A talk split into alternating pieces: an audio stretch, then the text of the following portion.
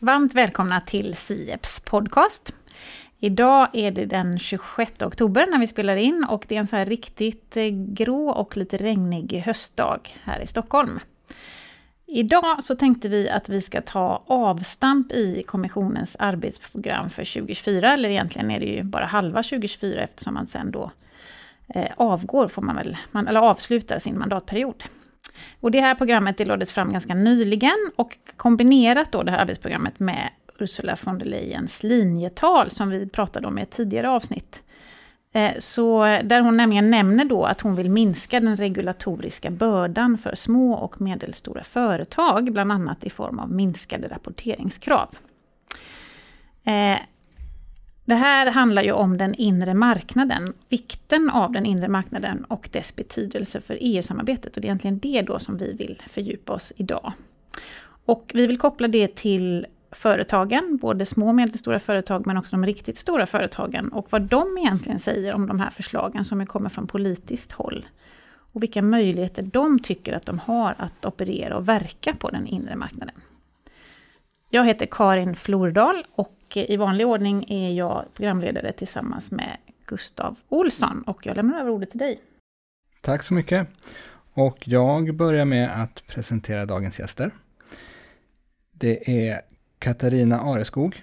Du har tidigare varit chef för EU-kommissionen i Sverige och du har också varit statssekreterare för EU och internationella frågor hos statsministern. Eh, dessförinnan var du stationerad i Bryssel eh, som UD-diplomat och eh, idag så driver du en konsultbyrå med inriktning på just den svenska rösten på EU-arenan. Eh, du ska snart få berätta lite mer om vad det innebär. Eh, men först så ska jag presentera vår andra gäst som är Anna Wetter Ryde. Och du är forskare i juridik här på SIEPS. Välkomna! Tack så mycket. Tack så mycket. Ehm, så Katarina, vill du berätta lite bara vad du jobbar med? Vad jag sysslar med? Ja. Jo, nej men vi känner väl, det pågår ju två stora eh, samhällsomvälvande omställningar just nu kan man säga, den digitala omställningen och den gröna omställningen. Och eh, båda de två regleras på EU-nivå och påverkar svenskt näringsliv, skulle jag vilja säga, mycket mer eh, eh, genomgripande än EU-lagstiftning har gjort på länge. Eh, och då känner många företag att de gärna vill engagera sig i EU-politiken, men har kanske inte en vana att göra det. För det är ju viktigt eh, att då vara på plats också och prata med alla beslutsfattare, vare sig det är Europaparlamentet eller EU-kommissionen innan man lägger fram förslag, eller medlemsländerna när man beslutar om det.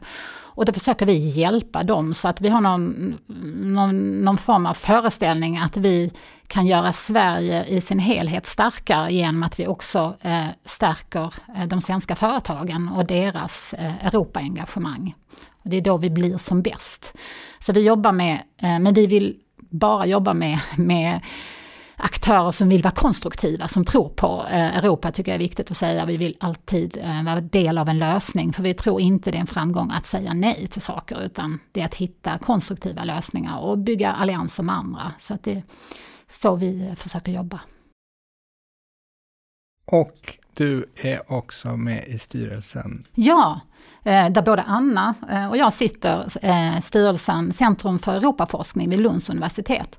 Eh, och där försöker eh, vi att eh, bidra till, återigen, ökad fokus på Europa, alltså ökad fokus på Europaforskning, den här interdisciplinär forskning vid Lunds universitet.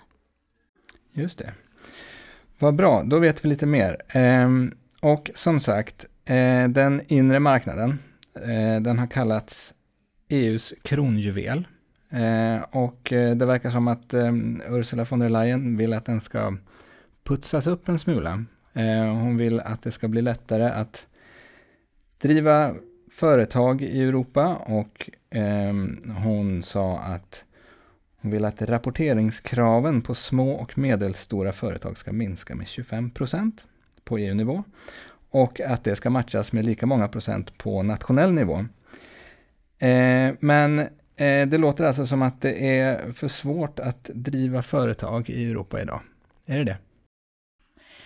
Ja, alltså utifrån hennes bild som hon gav där den 13 september i år, så det var, vi var nog många som hoppade till lite grann när hon satte en siffra på det här också, 25 procent. Då tänkte vi, jaha, men hur, på vilket sätt skulle det underlätta? Men det behöver man ju inte kanske gräva så djupt i, utan man, vad hon säger. Och det var nästan lite valfjäsk också utifrån hennes eh, tid som är på väg att löpa ut. Så tänkte vi, ja men här, här, det här vill hon jobba med. Så det är klart att det tar vi med oss som någonting som vi tror att nästa kommission faktiskt kommer driva. Men vad vi hör är ju att, att man har ändå identifierat inne i kommissionen att det, det är en stor regelbörda. Och vad betyder det då? Ja men det kan ju betyda att företag drabbas av eh, eh, olika tillståndskrav och saker de behöver egentligen rapportera in till kommissionen bland annat. Och detta har att göra med den successiva fördjupningen av eh, och harmoniseringen av, av, EU, av, av de gemensamma politikområdena som ju också har ökat över tid.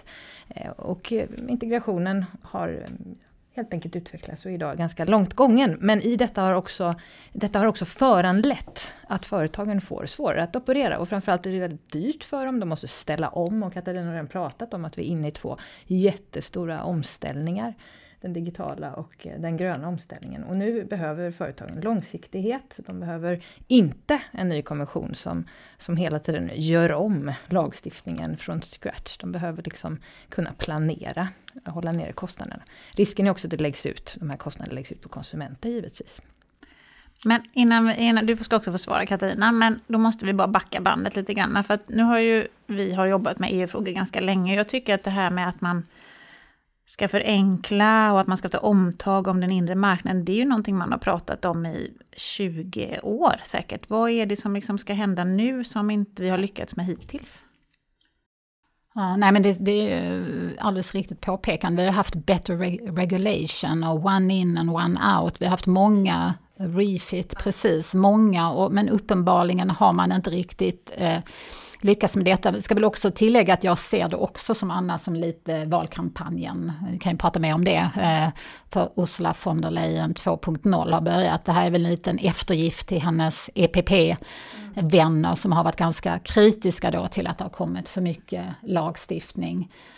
Ehm, så att det här är väl ett sätt liksom att tillmötesgå det. Jag hade väl hoppats att hon kanske hade tagit lite bredare grepp om den inre marknaden och inte bara tittat på rapporteringskraven. Eh, för vi har ju, saknar ju en strategi, vi har inte, faktiskt inte haft en riktig inre marknadsstrategi sedan 2015. Eh, så att ehm, den inre marknaden är så mycket mer än bara rapporteringskrav. Och det eh, tycker jag väl att man borde, det har inte den här kommissionen, eh, det var Junckerkommissionen eh, mer fokuserad på. Den här kommissionen har inte drivit inre marknadsfrågorna på samma sätt utan det har varit mer en industripolitisk ansats. Och eh, inre marknaden har på något sätt blivit en restpost. Eh, eh, tyvärr tycker jag. Eftersom det, som Gustav sa inledningsvis, det är ju faktiskt kronjuvelen. Det är där de eh, svenska och europeiska företagarna ska ha sin hemmamarknad och som gör Europa attraktivt för utländska investerare. Det är ju när de kan eh, investera på en marknad med 450 miljoner konsumenter och inte bara vara 27 olika produktkrav, mm. utan ett produktkrav. Det är då Europa blir intressant. Mm. Eh, så att, mm, ja, jag tycker man, man skulle kunna ta ett lite bredare grepp om den inre marknaden. Mm.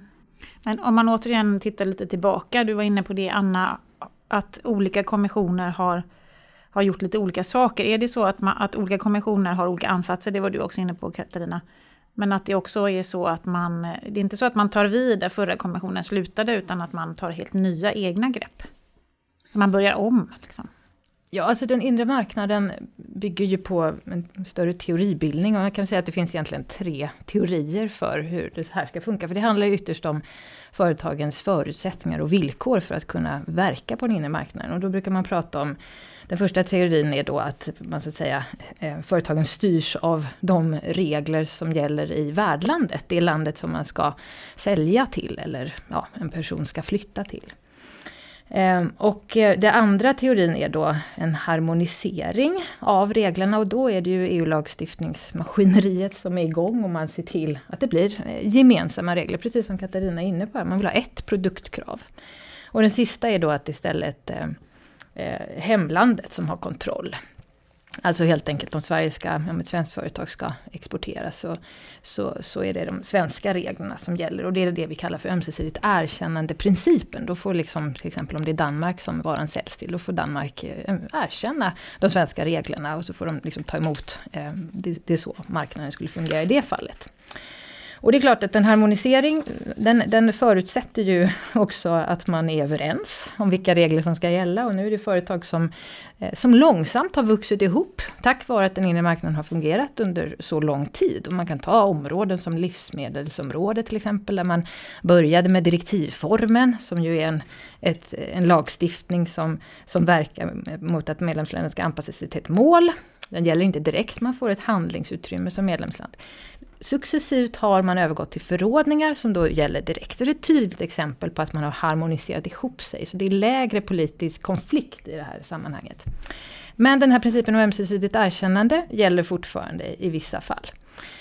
Eh, så det här är liksom den teoribildningen på inre eh, marknadsområdet. Och jag, jag tror att Katarina, eh, den bästa, ett, ett, en hypotes är ju att det skulle vara bra för företagen att fler saker harmoniserades. Å andra sidan vet vi hur, hur, hur, politiskt svårt det är att, att harmonisera lagstiftning och att medlemsländerna fortfarande gärna vill ha kontroll över hur, eh, ja, vilka regler som ska gälla. Och det, där har vi liksom en, en konflikt. Så man kan alltså, eh, fram tills nu så har det ändå blivit enklare Inre marknaden är ändå positivt men det finns saker att göra för att det ska bli enklare och att eh, den inre marknaden ska fungera bättre. Vad är det då för problem och utmaningar som som små och medelstora och kanske riktigt stora företag stöter på idag? Ja, precis. Företagarna gjorde en undersökning just vad gäller små och medelstora eh, företag. Vad är det då för handelshinder som de upplever eh, på den inre marknaden?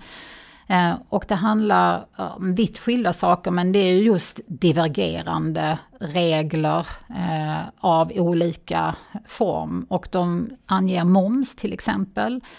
Eh, de anger att vi har olika betalningssystem. Vi har inga enkla gränsöverskridande betalningssystem. Man skulle önska att vi hade en Swish som fungerade mm. till exempel i, i hela Europa. Eh, olika avtalsrättsliga eh, praxis, nationella produktregler, eh, vad säger man mer? Eh, förenklad återbetalning. Offentlig upphandling är någonting man ofta, även om det finns regler här, så i praktiken är det ganska svårt att delta i offentlig upphandling i andra medlemsländer. Eh, man säger också olika upphovsrättsliga regler, för där blandar man EU-rätt med nationella regler. Och, och, och, då ska man säga att EU är ju inne och nosar på många av de här områdena men man har kanske inte lyckats fullt ut mm. med att uh, harmonisera regelverken helt enkelt. Så det finns väldigt mycket kvar att göra. Mm. Och det låter lite som att Alltså är det medlemsstaterna som sätter sig på tvären här när kommissionen vill harmonisera men Ofta är det så, ofta är det en blandning, ibland är det bara dålig eh, implementering. Att man har inte fullt ut implementerat regelverken. Man har kanske inte eh, ja, man har tolkat det på sitt sätt och då divergerar reglerna som egentligen skulle vara de samma, men man har gör olika tolkningar. Men sen är det också det som vi kallar gold plating, att man gärna lägger till lite nationella regler, liksom, eh, utöver det som eh, vi i Sverige faktiskt, får vi väl erkänna, ganska bra på det. Eh, vi tycker vi lägger till några miljökrav till, fast det borde räcka med det vi hade kommit överens om. Eh, så mycket, mycket, skulle jag vilja, men sen så finns det också liksom Tyskland då, inte för att utpeka någon, men man har, där bundesländerna är ju ganska bra på att ställa egna krav där också, till exempel ekonomiska behovstest, det är sådana här käpphäst som alltid eh, har eh, varit ett problem eh, i Tyskland. Att man säger att nej men den här typen av företag behöver vi inte för det finns inget ekonomiskt underlag där. Mm. Så det är variation ska jag säga, eh, för att svara på din fråga, mellan att medlemsländerna sätter sig på tvären och kanske bara en dålig implementering. Mm. Precis, vi var inne lite där på, på hur läget är med Sverige. Och det, är det en lite omtalade svenska överimplementeringen där som mm. spökar lite. Um, men är det då liksom Eh, hur ska man se på det där då? Ska man försöka... Alltså one size fits all kanske inte stämmer helt enkelt? Eller? Alltså i bästa, det är väl det vi är på väg mot. Att, men, men, samtidigt när vi säger att eh, gold, goldplating och sådär, för där, där har vi ju den, skavet att man måste få liksom den inre marknaden att fungera samtidigt som medlemsländerna fortfarande inte är helt eh, överens, eller de är inte helt öppna för att släppa ifrån sig all så kallad suveränitet då. Kan man liksom påverka det lite grann Ehm, Ehm, i lag, den, den, nationella lagstiftningen för att uppnå enskilda politiska mål som man har på hemmaplan. Kanske man har lovat sina eh, väljare det i något nationellt val och så vidare. Men då vill man ju ha det, göra det avtrycket. Men kanske att man inte då inser effekterna för det här gemensamma inre marknaden. Och, och det är ju svårt att se effekten också. Eh, och den bilden som du tecknar Katarina när du påtalar de här fälten som, eh, som verkar vara svåra, då kan jag relatera till också juristforskningen, att det finns ju Eh, Eh, väldigt mycket divergering liksom i de här uttolkningarna av, om vi tar avtalsrätten. Vi har också nationell, jag menar det är civilrätt vi pratar om. Det är inte, EU har ingen kompetens på civilrättsområdet. Alltså är det ja, nationella civilrättsregler som ska gälla här. Och det är klart att då ska man liksom få ihop det. Sen har vi konsumentlagstiftningen, är ju väldigt harmoniserad. Det är ju också civilrätt. Så det, men det är, liksom, det är någon, någonting som skaver i överlåtelsen av kompetens till EU. Och det som man behåller. Och således så får man liksom hela tiden en... en, ja, en det, det, det är svårt att få till det här målet som man vill ha på den inre marknaden, där allting ska fungera väldigt smidigt. Det är, det är inte svårt att förstå, men, men det, det rör sig långsamt och i bästa fall eh, åt rätt håll eftersom det är ju också målet. Det, det, det står ju i, i fördraget att vi ska ha den här gemensamma marknaden. Eh, så att, eh, det, och EU-domstolen ska man ju lägga till har gjort väldigt mycket för inre marknaden i det att den har uttolkat då rättsliga principer som hela tiden eh, åtvingar, liksom ålägger medlemsländerna en skyldighet att trycka fram de EU-rättsliga reglerna framför de nationella reglerna och så vidare. Så det finns ju absolut en, en, en tydlig rättslig integration på inremarknadsområdet. Mm. Men sen har vi alla de här små påläggs, pålagda kraven som kommer via nationell lagstiftning som, som försvårar och bromsar upp. Mm. Nu låter vi väldigt dystra här tänker jag. Eh, men jag. Men jag tänker, det är just, vad säger man, det är den mörkaste timmen innan gryningen kommer. Eh, jag tänker på när eh, Delors, hans kommission, kom med The Single Act, heter det så Anna? Mm. 92, när liksom den inre marknaden Eh, första januari 93, vi firar ju 30 år här mm, eh, under det svenska ordförandeskapet.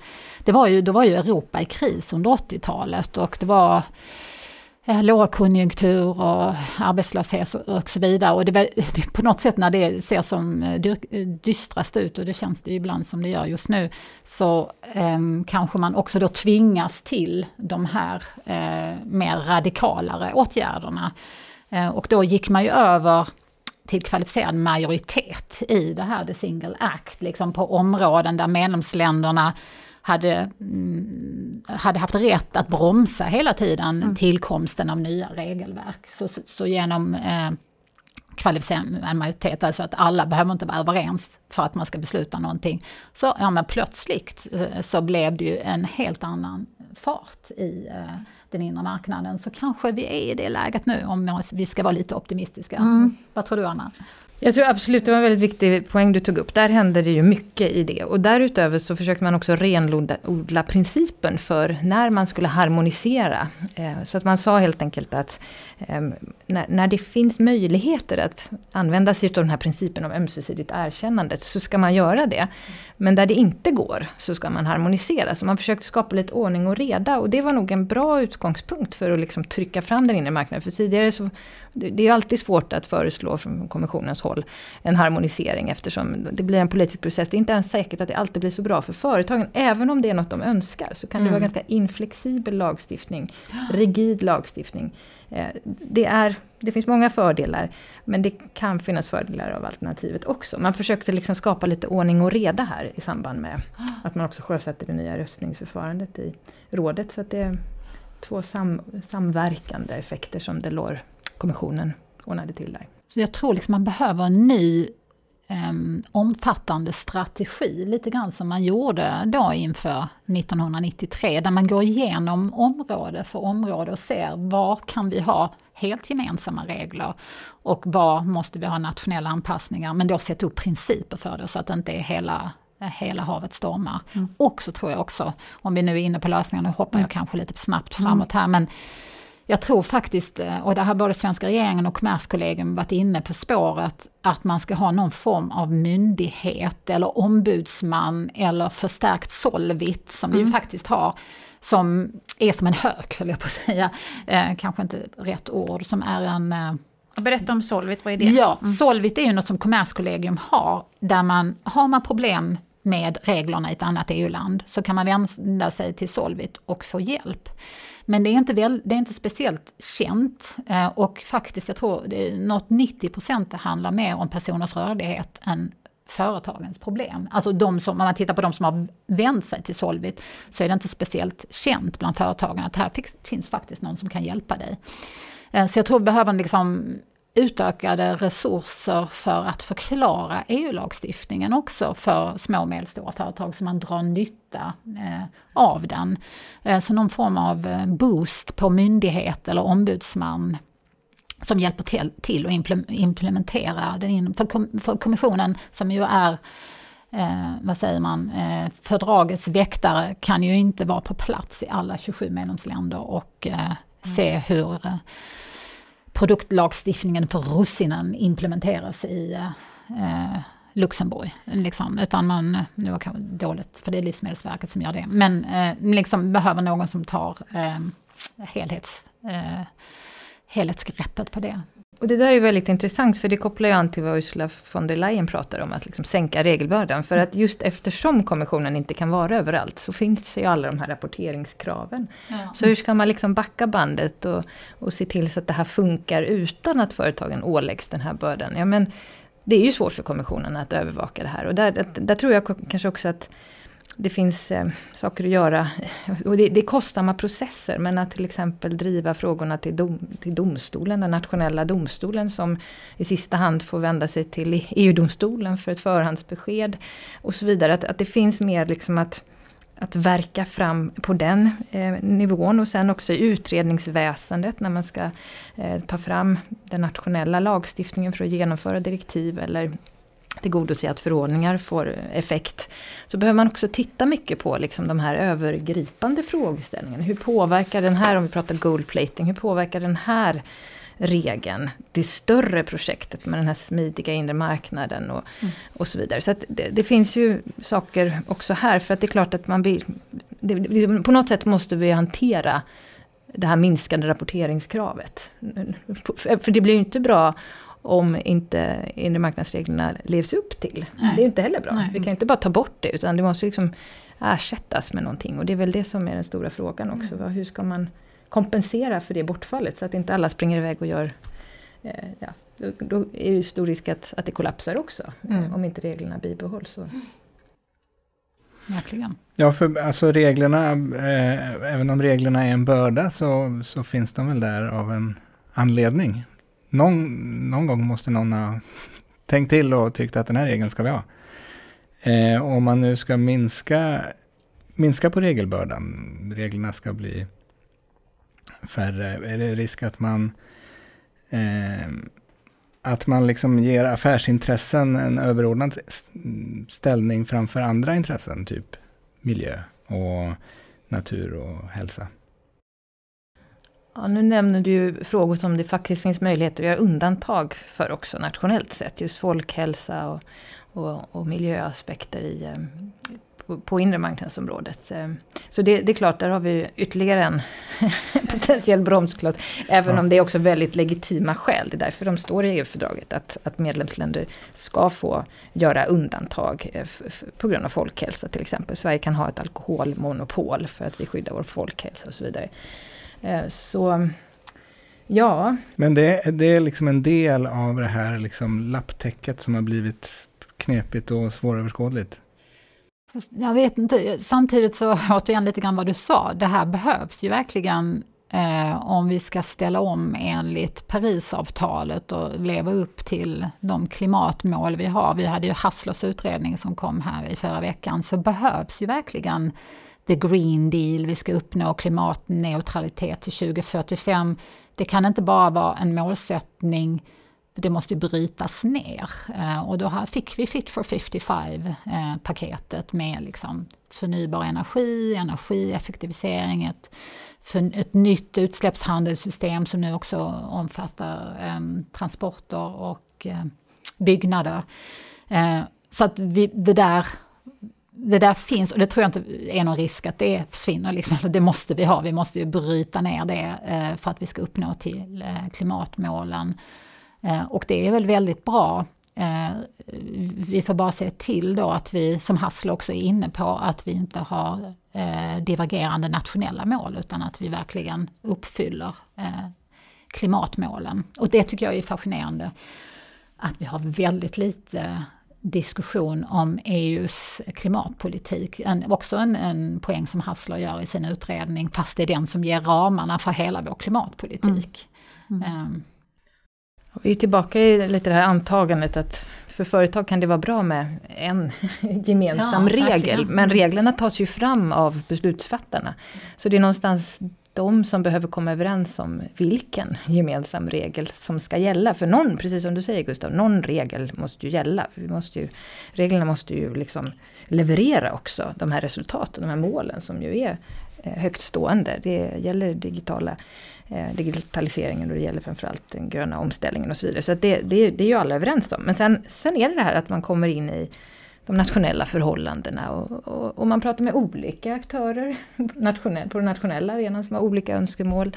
Sverige är ett stort land, det finns olika förutsättningar för företagande bara internt i Sverige och sen vidgar vi till EU-perspektiv. Så det är klart att det är många intressen som kommer in och ska beaktas i den här politiska processen. Så så dialog, en, viktig, en, en, viktig del av det hela är ju en, en, en bra dialog ja. mellan och speciellt nu, tycker jag, med både den gröna omställningen och den digitala omställningen, där omställningen de facto händer i näringslivet. Mm. Så det är extremt viktigt att vi kanske inte har varit så bra i Sverige på att prata mellan näringsliv och politik, men här är det superviktigt så att reglerna blir också implementerbara. Mm. Och också man liksom hänger med i det som, den omställning som redan pågår i näringslivet. Mm. Och, och, när man kopplar då till den omställningen just det gröna och den digitala och kopplat också till att vi vill öka den europeiska konkurrenskraften. Vad, vad säger företagen då?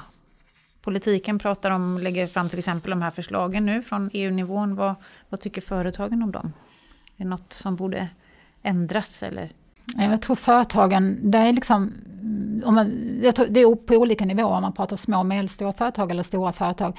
Jag tror den diskussion vi har sett i företagsvärlden just nu den senaste året är mycket svar till Inflation Reduction Act och de amerikanska, amerikanska skattesubventioner till grön omställning och också Kina och den subvention som pågår av statliga kinesiska företag och hur ska man klara konkurrensen i förhållande till dem och vad ska vara Europas svar? Mm. Eh, det tror jag är en väldigt, en väldigt viktig och stor och inte så lätt diskussion Nej. Eh, eh, bland företagen just nu. Nej. Inte på politisk nivå heller om, man, om jag har följt det rätt med statsstöd. Är det vissa länder som på politisk nivå ja. som uppmuntrar medan eh, Sverige inte gör det? Precis, och där, jag tror en undersökning sa att de senaste åren har 70% av de statsstöd som har beviljats för EU-kommissionen gått till antingen Tyskland eller Frankrike. Mm. Eh, så att eh, det är ju en väldigt stor risk att när man då har, som man har gjort i, i kölvattnet av covid, luckrat upp eh, de europeiska statsstödsreglerna, att det blir en ojämn spelplan. För de facto gynnar man ju de länder med störst statskassa, djupast fickor, mm. eh, som då kan subventionera eh, sina företag. Men då tänker jag, eh, och det, det, det, där får man, det, det är ju liksom lätt också då att säga att ja men det ska vi absolut inte göra, vi tror inte på subventioner. Men om du på en global marknad möter amerikanska företag som har stora gröna subventioner eller kinesiska företag, då kan du ju säga att du tror inte på det, men du kanske blir utkonkurrerad av dem. Mm. Mm. Som hände med sol, de berömda solpanelerna. Panelerna. Precis, där är det egentligen Europa bara de som från början hade eh, de flesta företagen, men Kina eh, bestämde sig. Det är fascinerande läsning, den här China, Made in China 2025, där man bestämmer sig inom tio sektorer så ska vi vara världsledande. Vi ska utveckla teknologi och vi ska ha tillverkning eh, och vi ska bli världsbäst. Och de är faktiskt på väg genom subventioner att eh, att bli det. Jag, nu, nu låter det som att jag förordar subventioner, det gör jag inte, men jag bara säger att det är en eh, det är liksom en fact of life att eh, men det är en väldigt tuff konkurrens med de här. Kanske måste vi tänka igenom i, i min lilla hjärna tänka så att det kanske på vissa områden där eh, statligt stöd spelar sin eh, viktiga roll och kanske just i systemskiften eh, att då måste staten vara med och subventionera. Inte att man ska subventionera all kommersiell tillgänglig teknologi, men just när det krävs enorma satsningar, eh, då måste staten vara med och satsa kanske lite grann mer mm. eh, än vad vi är vana med i Sverige. Mm.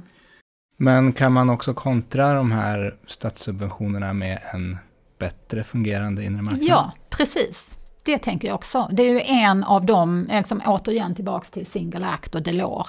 Det var ju då liksom också som man eh, effektiviserade den inre marknaden. För man kan ju skala upp snabbare om du har en stor hemmamarknad som i Kina eller USA. Men funkar inte hemmamarknaden och du har en liten nationell marknad, då skalar du inte upp lika snabbt.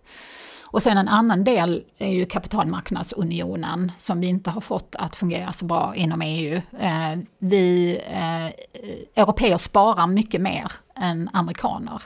Eh, men det här sparade kapitalet, det kommer inte, det satsas inte, kommer inte startups och näringslivet till del. Vi är duktiga i Sverige för vi har ju våra pensionsfonder som kan investeras i aktiemarknaden, men vi är ett undantag i Europa. Så att en mer europeisk kapitalmarknad skulle också det är ju en del, jag menar, den inre marknaden är ju faktiskt också eh, fri rörlighet för kapital som vi inte har lyckats implementera. Skulle den bli bättre fungerar då kanske inte våra startups skulle alltid åka till USA när de ska skala upp och behöver, eh, behöver investerare. Eh, så att jag tror precis som du säger, liksom att det är ett sätt att tillgängliggöra kapital på ett annat sätt än subventioner med en bättre fungerande inre marknad eh, och inte minst eh, en bättre fungerande kapitalmarknad. Jag tror att det, för att kommentera det du säger nu när du pratar om de här statsstöden och så vidare, så tror jag också att när vi pratar om inre marknaden och hur den har fungerat sen Delors och framåt så, så pratar man ju som stannat upp nu på sistone. Mm. Och nu tar du upp externa chocker. Att det, är liksom, det är inte bara inifrån, det är kanske inte på grund av eh, hur det fungerar internt i EU som det här uppstår, de här hindren uppstår, utan det är mycket på grund av de här yttre faktorerna. Ja, covid är ett bra exempel.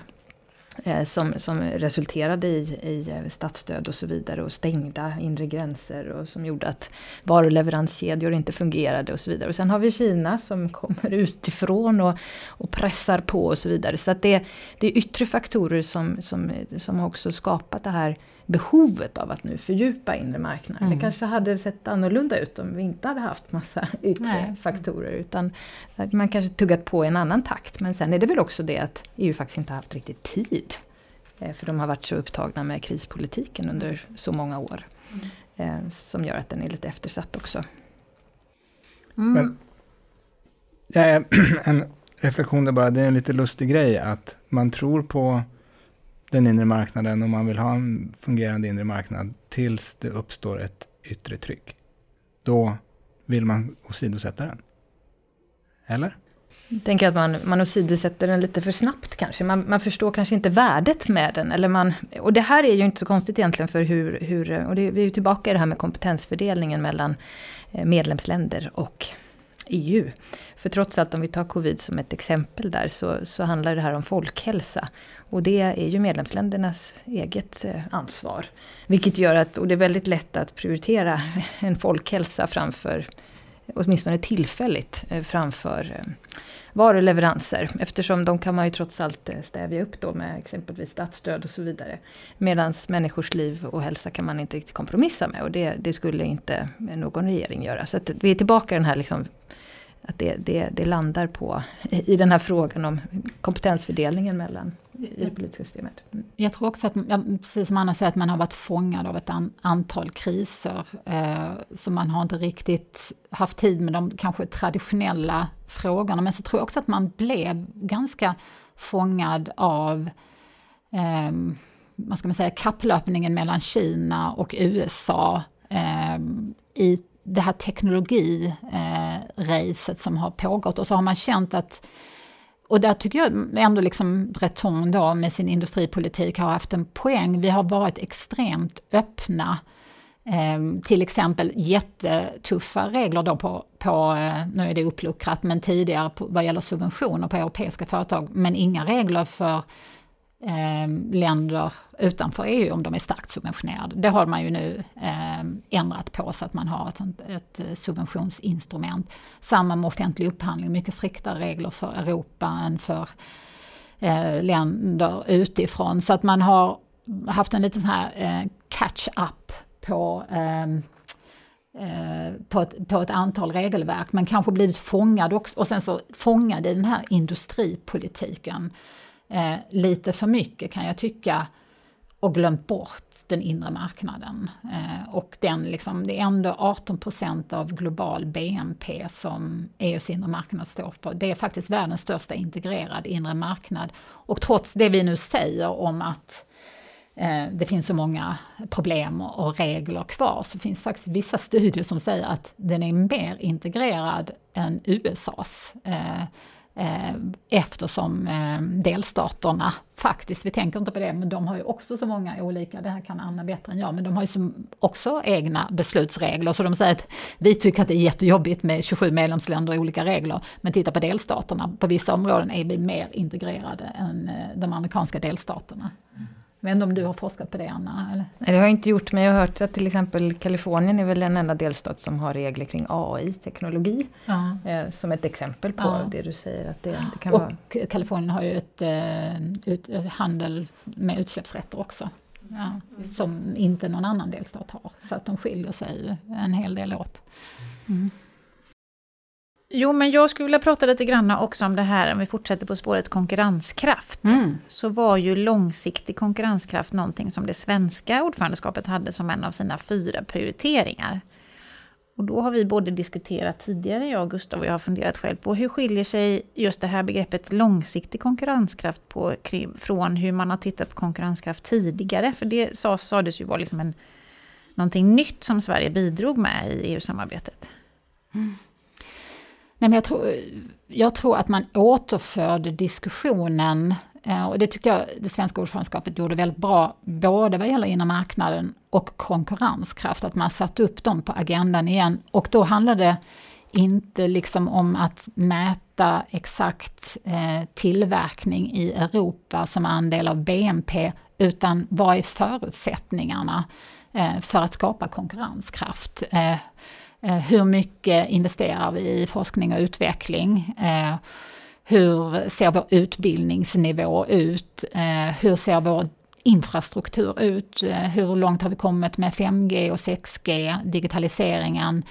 Ehm, investeringarna i olika sektorer, handel, liksom allt det som utgör förutsättningarna för att skapa konkurrenskraft i bredare bemärkelse. Och jag tyckte det här meddelandet som kom, kom från eh, kommissionen då i mars som eh, jag tror Sverige låg väldigt mycket bakom, där man går igenom med sådana här KPI per eh, sektor, så man mäter liksom alla de här ingredienserna som skapar konkurrenskraft. Det tycker jag liksom är verkligen, eh, man säger inte exakt i vilken sektor som man ska eh, bli världsbäst, utan man skapar förutsättningen eh, för, eh, för, eh, att, för konkurrenskraften. Mm.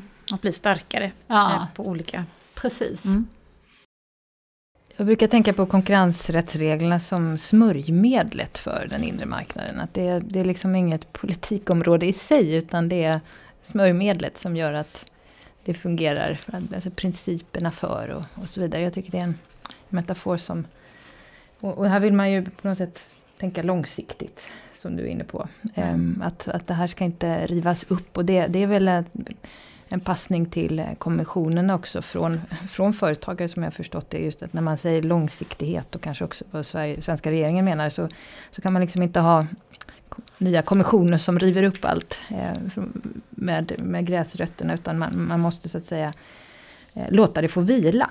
Eh, och det kanske vet jag inte hur det ser just ut liksom generellt sett så, men jag vet ju de som jobbar inne i kommissionen som kan klaga lite grann på att eh, nya kommissionärer, ordförande för kommissionen och nya kommissionärer, de vill väldigt gärna liksom påverka eh, sina politikområden och så, så börjar de gärna titta på ny, nya regler när mm. de tillträder. Och eh, just den här kommissionen har ju kommit med väldigt många nya lagförslag, men det har ju också att göra med den gröna omställningen, att det har funnits väldigt mycket att göra med det. Mm. Men vi får väl fråga oss då, titta gärna på den här kommande kommissionen, den kliver av eh, om fem, sex år. Eh, I bästa fall så är det inte riktigt lika många lagförändringar då, för, för det, det försvårar ju givetvis för, för företag. Mm. Mm. Så kan man väl säga att man återför, den här meddelandet som kom i mars då om eh, långsiktig konkurrenskraft, man återför lite grann eh, till den diskussionen som vi hade faktiskt eh, eh jag har arbetat med det här alldeles för länge inser jag inför 2009, ordförande, svenska ordförandeskapet 2009. För då arbetade vi ju med Lissabonstrategin mm. som är eh, ju precis egentligen samma tänk, liksom, att man stärker förutsättningarna liksom, inom eh, infrastruktur, utbildning, forskning och utveckling och så vidare för att skapa eh, ett starkt Europa. Eh, så att det, de här tankarna har funnits förut menar jag. Mm. Och vi hade också Europa 2020 mm. om ni kommer ihåg det. Mm. Liksom också samma eh, tankesätt där om att skapa konkurrenskraft. Mm. Det är ju lite spännande det här du var inne nu på Anna, det kommer en ny kommission snart. Om ett år ungefär så ska de, eh, borde de vara på gång eh, och tillträda någon gång i slutet av november brukar det väl vara. Går det att sia någonting om, med tanke på att det är medlemsstaterna som som nominerar eh, representanter till kommissionen. Eh, går det att säga någonting om prioriteringarna för nästa kommission om man tittar på vilka regeringar vi har runt om i EU idag? Alltså det första man kan väl säga om är väl att vi eh, står väl alla med, med anledning av, eh, av den, det säkerhetspolitiska läget i Europa så står vi ju inför en i varje fall diskussioner om utvidgning. Mm. Och det är klart att den utvidgningen behöver ju också, alltså inre marknaden behöver anpassas till den utvidgningen. Så jag har svårt också, det här, det här är ju en komplikation då för kommande kommission som ska både hantera eh, den nuvarande inre marknaden och fördjupa den. För det är ju vad man vill, det är ju i varje fall vad, vad Sverige eh, vill ha långsiktighet och så vidare. Samtidigt som man då ska också försöka anpassa den då till eh, potentiellt 35 EU-medlemsländer. Ja, vi har hört lite olika ja, eh, när man pratar om när detta ska ske, men 2030 och framåt. Mm. Eh, så att det här är väl en stor utmaning, men, men att utvidgningen är en stor framtidsfråga för nästa kommission, det är väl ganska säkert. Och sen hur mycket inre marknadsfrågorna kommer komma in i den processen, det är väl lite oklart. De ska ju Bland annat måste man anpassa sig till att vara en marknadsekonomi för att kunna vara en del av, av EU och så vidare. Så att, eh, det, är väl, det är väl en i alla fall tydlig eh, fråga som, som kommer mm. landa. Det, det, blir spännande att se Europaparlamentsvalet för att beroende då på hur stora de olika partigrupperna blir så kommer ju de att ställa krav på tillträdande EU-kommissionsordförande. Och tittar man nu, ingenting vet vi ju säkert förrän på valdagen, men så ser det väl ut som EPP och SOD, alltså EPP de konservativa, eh, där svenska moderater och kristdemokrater ingår och SOD, Socialdemokraterna, de är inte så stora förändringar på de blocken. EPP blir fortsatt största eh, partigrupp. Och de kommer inte, vad som vi hade länge tidigare var att de tillsammans hade en egen majoritet och kunde då göra upp mellan sig. Och då visste man liksom vad politiken blev. Men nu kan de inte utan de måste eh, förhandla med andra partigrupper och då blir det mer oberäkneligt och lite mer fragmentiserat. Det har vi sett i den här perioden. Vi ser att de gröna som det ser ut nu kommer att tappa ganska rejält och det beror väldigt mycket på att de tyska gröna eh, blir Eh, mindre. Så att vi kan väl, det, det, är inte helt klart liksom, det här kommer att bli precis som inför von der Leyens tillträdande rätt mycket kohandel om vilka prioriteringar som eh, eh tillträdande kommissionsordförande måste tillgodose. Men jag tror som Anna, utvidgningen, sen tror jag liksom återigen de här två stora samhällsomställningarna, digitaliseringen och eh, den gröna omställningen, där kommer vi fortsätta att se nya utspel, även om jag tror att det blir lite lugnare på den gröna fronten eftersom det här har varit väldigt en del säger en tsunami av lagstiftning med Green Deal och Fit mm. for 55. Det blir mer implementering. Och det är också en del av den kritiken från der Leyen har fått från sina egna, från EPP, som jag tror hon, om det nu blir hon, mm. måste tillgodose eh, för att bli eh, omvald. Eh, sen tror jag också med den oroliga omvärlden, ehm, en hel del eh, försvarsrelaterade satsningar. Ehm, att här tror, vi, tror jag kanske att EU kommer att komma med lite mer eh, utspel eller samarbete, kanske då mer inom den försvarsindustriella grenen. Och sen tror jag också um, att utvidgningen kommer leda till rätt mycket diskussioner. Ni såg kanske det här tysk-franska utspelet om reform, det här EUs inre liv. Uh, um, Ska man ha kvalificerad majoritet? Mm. Ska man ha en kommissionär, på medlemsland för att effektivisera det inre arbetet? Uh, det kommer jag nog, måste man nog också ta tag i. Jag tänker på också, man kan, om jag började med de här teorierna, de här tre teorierna om den inre marknaden, att man Harmoniseringsvägen är ju kanske önskvärd för företagen, då vet de vad som gäller, behöver inte ställa om varje produkt beroende på vilket land de eh, köper och, och, säljer med. Eh, samtidigt är ju det den som kanske kostar mest suveränitet, för då måste man ju vara helt överens om det här. Och, och då får vi också de här demokratiaspekterna med oss, att vad, vad, vilka ska delta i den, eh, i, i det beslutet och så vidare. Medan då snarare den här principen om ömsesidigt erkännande, den är ju minst, den kostar minst för den nationella suveräniteten. För då får man liksom bara räkna med att eh, varje mottagande land får bara köpa de villkoren. Där, eh, men jag tror att den förutsätter också väldigt hög tillit mellan de deltagande staterna. Och, det, det är osäkert hur tilliten kommer se ut då om vi ska utvidga EU. Men det är en process åtminstone, det vet ju att man liksom hittar ett mm. samförstånd. Så huruvida det blir mer harmonisering eller snarare mer ömsesidigt erkännande som ska gälla framöver. Det, det är ju en intressant fråga. Det är ju liksom de två som jag ser, mest sannolika teorierna som ska fortsatt tillämpas här. Eh, snarare än den här värdlandet har kontroll över, över reglerna, för den är inte så sannolik. För det, det förutsätter ju att företagen måste anpassa varenda produkt till eh, mottagarlandet och det, det, kostar ju alldeles för mycket. Sen har man ganska övergivit sedan lång tid tillbaka. Så de här två andra principerna är väl de som, som jag tänker att vi får se. Mm. Huruvida. Men, förlåt. Ja, alltså de, med de nya kandidatländerna, tror jag att de kommer att få tillgång till inre marknaden innan de blir fullvärdiga medlemmar? Eller ungefär som... Går det? Ja, precis. Ja, Ukraina har väl fått tillgång till elmarknaden, visst är det så? Ja, är det, är det en väg att gå? Rättsligt kan man väl hitta lösningar för det. Det är ju frågan om det är politiskt eh, eh om man kan komma överens politiskt sett. Och sen är det det här med vilka, det är ju fyra rörligheter. Eh, och den som hittills har kanske varit mest eh, känslosam för många medlemsländer, det är väl personrörligheten. Och där mm. har vi också såklart det här med Schengen och att de nya länderna får vakta EUs yttre gräns, det är en stor fråga. Och, och den brukar man ju kunna lösa genom att man inte deltar i Schengen under många år. Men, men det blir ändå en fråga om personrörligheten mm. och vi har ju utstationeringen som kan följa av den. Och, och annat. Så det är väl den som kanske, sen som du är inne på, kapital, kapitalet har väl inte lyckats röra på sig mm. i tillräcklig utsträckning. Men varor och tjänster är väl kanske de, ja, tänker jag utifrån hur jag ser på det hela, mm. de som är minst eh, problematiska att lösa. Och rättsligt sett så, så har vi ju haft eh, möjligheter att göra det här förut. Man har ju, kan ju ingå avtal eh, med tredje land och så vidare. Så, ja. Mm. Och Norge, och Island och Liechtenstein, de är ju del av den inre marknaden mm. eh, idag utan att vara EU-medlemmar.